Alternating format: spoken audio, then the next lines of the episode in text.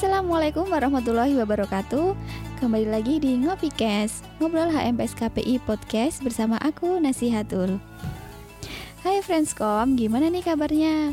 Semoga selalu baik-baik saja ya Oke, pada episode kali ini aku akan membahas seputar Idul Fitri Jadi apa sih makna dari Idul Fitri itu? Banyak yang memaknainya sebagai kembali ke fitrah, yaitu asal kejadian manusia yang suci dan bersih dari dosa, layaknya bayi yang baru lahir. Pengertian demikian dikaitkan dengan hadis Rasulullah Shallallahu Alaihi Wasallam dari sahabat Abu Hurairah. Ia berkata, Barang siapa berpuasa Ramadan atas dasar iman dan mengharap pahala dari Allah, maka dosanya yang telah lalu akan diampuni. Hadis riwayat Bukhari dan Muslim. Hari Raya Idul Fitri pertama kali dirayakan umat Islam setelah Perang Badar pada 17 Ramadan tahun kedua Hijriah. Dalam pertemuan itu, umat Islam meraih kemenangan. Pada tahun itu, Rasulullah Wasallam dan para sahabat merayakan dua kemenangan, yakni keberhasilan mengalahkan pasukan kaum kafir Quraisy dalam perang Badar dan menaklukkan hawa nafsu setelah sebulan berpuasa.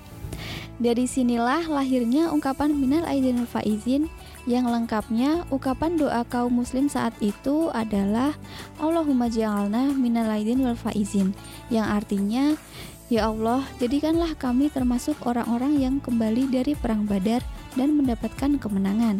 Pada satu Syawal, kaum muslim melaksanakan sholat Id yang dilakukan di awal waktu sebelum khutbah. Hukumnya adalah sunnah muakat. Pada malam sebelum dan setelah hari raya, kaum muslim disunahkan meramaikan dengan gema takbir. Gema takbir dimulai bergema setelah syawal dimulai. Setelah sholat idul fitri, umat Islam juga wajib membayar zakat fitrah dengan makanan pokok di Indonesia yaitu dengan beras atau dalam bentuk uang yang setara nilai tersebut. Tujuan dari zakat itu sendiri adalah memberikan kebahagiaan kepada orang yang membutuhkan. Kemudian, khotbah diberikan setelah sholat Idul Fitri dan dilanjutkan dengan doa. Setelah itu, umat Islam di Indonesia memiliki tradisi, yaitu saling bermaaf-maafan atau halal bihalal. Selama bulan Ramadan hingga Syawal, seluruh karunia yang ditumpahkan oleh Allah kepada umat Islam Paling tidak ada tujuh macam karunia, yaitu yang pertama rahmat, yang telah diturunkan pada kecepatan 10 pertama atau al-ashar al-awal. Yang kedua, maghfirah, yang telah diturunkan pada putaran 10 kedua atau pertengahan, yaitu al-ashar al-ausat. Yang ketiga, kemajuan yang diturunkan pada putaran 10 terakhir atau yang disebut al-ashar al-awakir. Yang keempat, Lailatul Qadar yang diturunkan pada malam-malam ganjil yang nilainya lebih dari 1000 bulan setara dengan 83 usia manusia. Yang kelima, zakat fitrah yang dapat membersihkan dosa-dosa dan mengembalikan fitrah manusia. Pahala puasa 6 hari Syawal yang nilainya setara dengan puasa satu tahun. Yang ketujuh, halal bihalal, yaitu saling memaafkan di antara kita yang dapat menghapus dosa antar sesama. Bagi umat Islam, sekarang ini sedang memasuki babak baru, yaitu babak kembali ke fitrah yang suci. Karena muara ibadah ciri Ramadan adalah terbentuknya muslim yang bertakwa.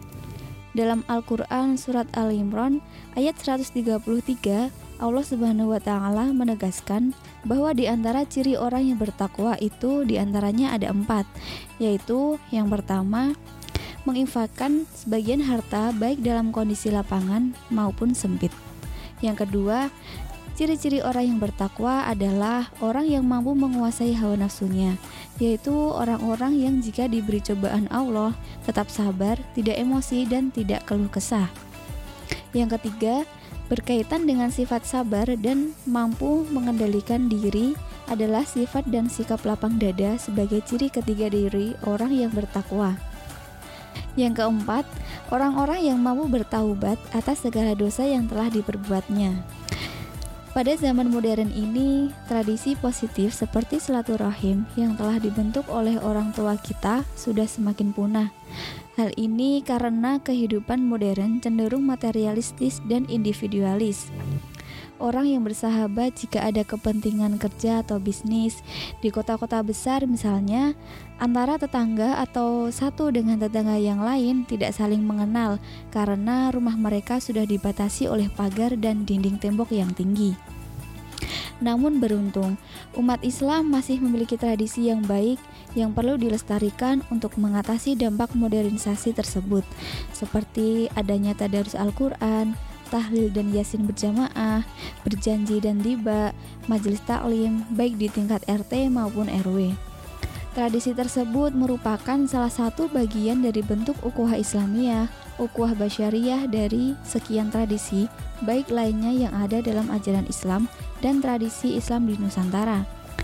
Tradisi silaturahim saling berkunjung ke saudara, tetangga, dan kawan, memuliakan tamu, merupakan perilaku positif yang diajarkan oleh agama Islam. Mungkin pembahasan tentang Idul Fitri Cukup sekian dari aku dan semoga pembahasan kali ini bisa bermanfaat buat friendscom semuanya.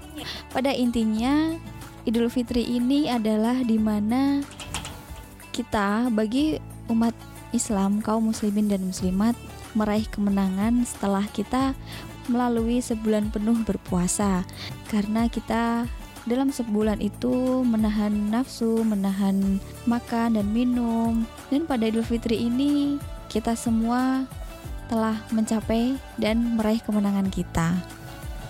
Untuk menutup episode kali ini, aku ada sepatah kata nih buat friendscom semuanya. Idul Fitri telah datang lagi di tahun ini. Kita kembali menjadi suci setelah berperang melawan diri sendiri. Ngopikes dan HMPS KPI mengucapkan Takoballahu mina wa minkum, takobal ya karim. Selamat Hari Raya Idul Fitri. Minal aidin wal faizin. Mohon maaf lahir dan batin. Cukup sekian dari aku. Wassalamualaikum warahmatullahi wabarakatuh